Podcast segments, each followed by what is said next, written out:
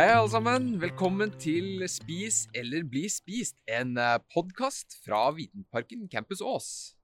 Mitt navn det er Joe. Og jeg er Kirsten. Og sist vi møttes, Kirsten, så snakka jo vi om uh, trær. Det stemmer. Da snakka vi om uh, furu. Og det er jo et tre som fins over hele landet. Det stemmer. Og i dag så har vi jo nok en gang møttes uh, ute i skogen. Men nå har vi møttes ute i en litt annen skog. Nå har vi møttes ute i min uh, favorittskog. For dette er sånn skog som uh, jeg har vokst opp med rett utafor døra mi. Aha, så fint. Ja, nå skal vi altså dykke ned i granskogen og se på grantrær. Ja, men kan du noe om granskog da, Joe? Ja, sikkert ikke like mye som deg, Kirsten, men uh, jeg vet jo det at uh, f.eks. hvis vi skal se forskjell på gran og furu, så kan vi jo se på nålene. For på furua der står det jo to og to, mens hos grana, som vi ser på i, dag, der står de én og én. Så de står alene. Og så er de mye kortere, de, de grannålene, enn det de er på furua. Og så er det jo barken på grana. Den er jo veldig annerledes enn den furua vi så i, i forrige episode. Ja. Den eh, er liksom mye tynnere. Den er jo sprekker, den her òg, men de er ikke så dype. Og så er sjølve barken mer grå, syns du ikke det? Ja, den er liksom grå hele veien, og så er det sånn som du sier, den er liksom ikke sånn skikkelig sånn grov. Du kan ikke få fingrene inni barken på denne her. Nei, her går det bare av noen små biter hvis du begynner å pelle på den. Hva annet er det som skiller gran og furu?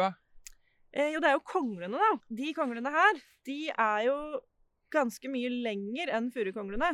Ja, se der, ja. Altså, I forrige uke så sa vi at uh, furukongla var omtrent like lang som en barnetommel, men denne kongla her er jo like lang som fingeren din. Den her er like lang som min langfinger, ja. Den har tynne skjell som ligger flatt oppå hverandre. Ja, se der, ja. Det ser jo ut som Hvis, hvis du finner frem uh, en eller annen internettsøkemotor, så kan du søke på grankongle, og så kan du søke på pangolin. Så er det jo det er et dyr som bor i Afrika og Asia. Det ligner jo på hverandre. Den har faktisk litt sånn pangolinskjell, det er sant. Så da har vi i hvert fall at vi kan se på konglene, at de er lange, nålene er korte, og barken er tynnere og jevnt grå. Da tror jeg jaggu jeg skal klare å skille gran og furu, jeg òg. Men en annen ting som jeg legger merke til her, Kirsten, det er jo at det er jo ganske mye mørkere i den skogen her enn i den furuskogen vi var i, i sist. Ja. For furu den vil ha veldig mye lys, men grana den tåler å stå i skyggen også. Og så har den jo gjerne greiner som går helt ned til eh, bakken. Og det gjør kanskje også at det blir litt mørkere.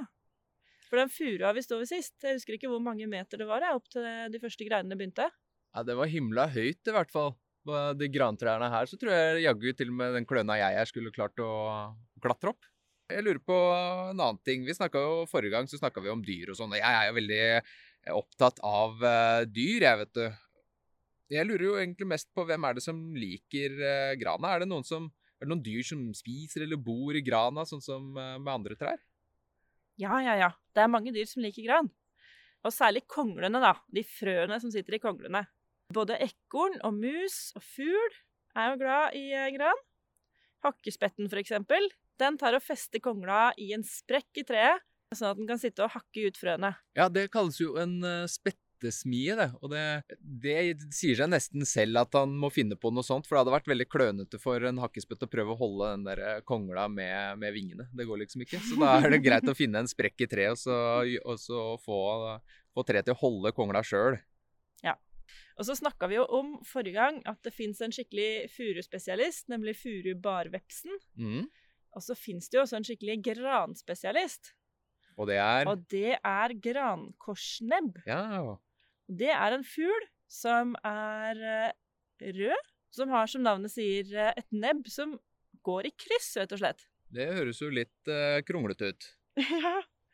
I de fleste tilfeller så er det det, men akkurat når man skal prøve å få frø ut av ei grankongle, så er det det perfekte nebbet. Og de grankorsnebbene de ser jo jeg fra tid til annen, men det som er litt rart der, det vet sikkert du, det er at de ser jo jeg veldig, veldig mange av ett år, og neste år så ser jeg bare noen få. Hva er greia med det? Ja, det kommer av uh, hvordan uh, grana driver med å sette frø. Fordi at Grankorsnebb, den er jo veldig glad i granfrø. Og så er det sånn at noen år så setter grantrærne veldig mange frø. Mm. Og da samarbeider liksom alle trærne i et område. De blir enige og sier at OK, i år så er det frøåret. Nå setter vi masse frø. Eh, og da kommer alle grankorsnebbene dit, for da finner de masse mat. Så de er sånn uh, charterturistfugler? De reiser dit det er eh, trendy å reise, liksom? de reiser i hvert fall der hvor maten fins. Ja, det er lurt. Men så, etter at eh, grantrærne har satt masse frø, så blir de litt slitne. Og da må de hvile. Og da blir det noen år hvor det ikke er så mange frø. Og da er det jo heller ikke så mye mat til eh, fuglen. Og da forsvinner fuglen òg. Da flyr den et annet sted hvor det er eh, mer mat å finne. Ja, det var lurt. Men du, Kirsten. Forrige gang vi snakka sammen, så stilte jeg deg et spørsmål, for jeg trodde jeg hadde blitt lurt. Er jeg blitt lurt igjen, eller? har du det? Åssen da? Nei, eh, jeg har jo hørt det at vi spiser veldig mye mer gran enn det vi er eh, klar over. Og jeg kan ikke huske at jeg har drivet trykka i meg så veldig mye gran. Nei. Men da tenker du kanskje på vanilin? Vanilin Nå mistenker jeg at vi skal innom eh, et eller annet som har med vanilje å gjøre. Ja. Vanilin er det stoffet som gjør at vanilje smaker vanilje. Det er vaniljesmaken. Og det kommer jo opprinnelig fra en orkidé, en blomst som vokser i Mellom-Amerika, i Mexico og sånn. Eh, og det er frøene fra vaniljeblomsten som smaker vanilin. Mm. Eller vanilje. Men så er det jo ikke så lett å dyrke vanilje her i Norge, f.eks. Her er det jo ikke akkurat tropisk skog. Dessuten så produserer ikke hver blomst så veldig mange sånne frøbelger. Sånn at det blir veldig dyrt å dyrke all denne vaniljen. Fordi at nå er det jo ikke bare de i Mexico, f.eks., som vil eh, spise vanilje. Nå er det jo hele verden som vil ha vaniljesmak. Men hva har egentlig det med gran å gjøre? For jeg har nok ikke spist så himla mye gran, men jeg har smakt lite grann, og det smaker jo ikke vanilje. Nei, men eh, hvis man behandler trestammen kjemisk, så kan man få ut vanilin, som smaker vanilje. Og som man kan putte oppi der man vil at det skal smake vanilje. I vaniljesukker, eksempel. Så i dag så er det kanskje bare 1 av eh, alt med vaniljesmak som har vanilje fra vaniljeorkideen. Så hvis jeg spiser sånn eh, 100 forskjellige vaniljeis, så er det bare én av dem som eh, får smak fra ekte vanilje? Ja, noe sånt. Eh, Men så har man funnet ut faktisk at man kan lage vanilin av olje også. Eh, Så den eneste fabrikken som fortsatt lager vanilin av grantrær, den ligger i Norge, i Sarpsborg. Ja. Men vi bruker jo gran til veldig mye annet også. Ja, som, eh, som hva da? Nei, vi bruker den vel til å bygge hus og fyre i ovnen. Ja, ja det gir jo mening. Ja. Men er det noe annet, siden du sier vi bruker den til veldig mye? Ja, fordi vi kan faktisk bruke den til å lage klær av, og drivstoff til biler, eh, og bleier, og plastflasker. Eh, og man kan putte et stoff fra grana oppi eh, veldig flytende ting for å få dem tjukkere. Så det bruker man f.eks. i yoghurt, og i tannkrem og maling, for at den ikke skal være helt tyntflytende.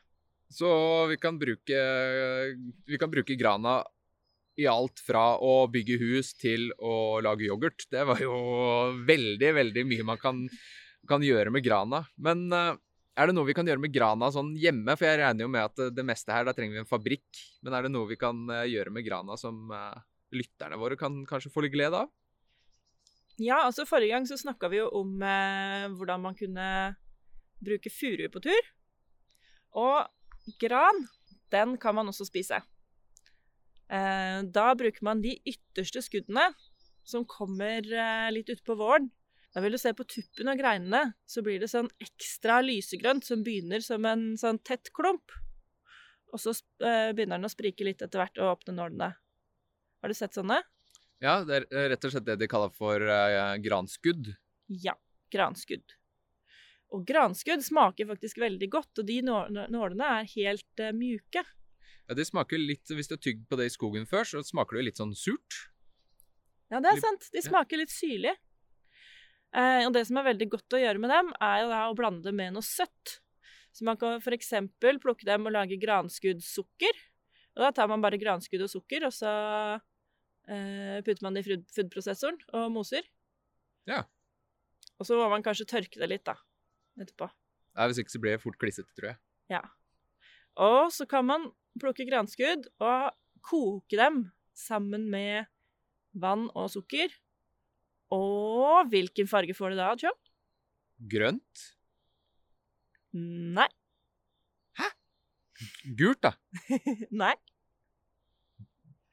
Blå? Den blir rødt. Blir Nei, rødt? Ja. Kokte granskudd eh, blir rødt. Eh, og hvis man koker det med vann og sukker, så blir det granskuddsirup, og den smaker søtt og syrlig og skog, og veldig godt. Det er jo et godt tips. Da er det jo bare å forte seg ut i skogen så fort det blir eh, vår, og plukke noe deilige granskudd og lage litt sirup hjemme. Mm. Da har vi jo snakka litt om eh, grana i dag, og da må vi slå det fast. Er dette noen som spiser, eller er det noen som blir spist, Kirsten?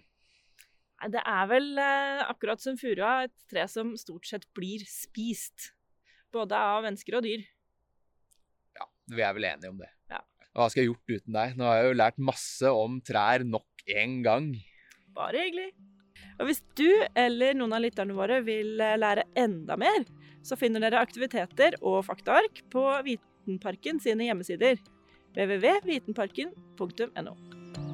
På gjenhør.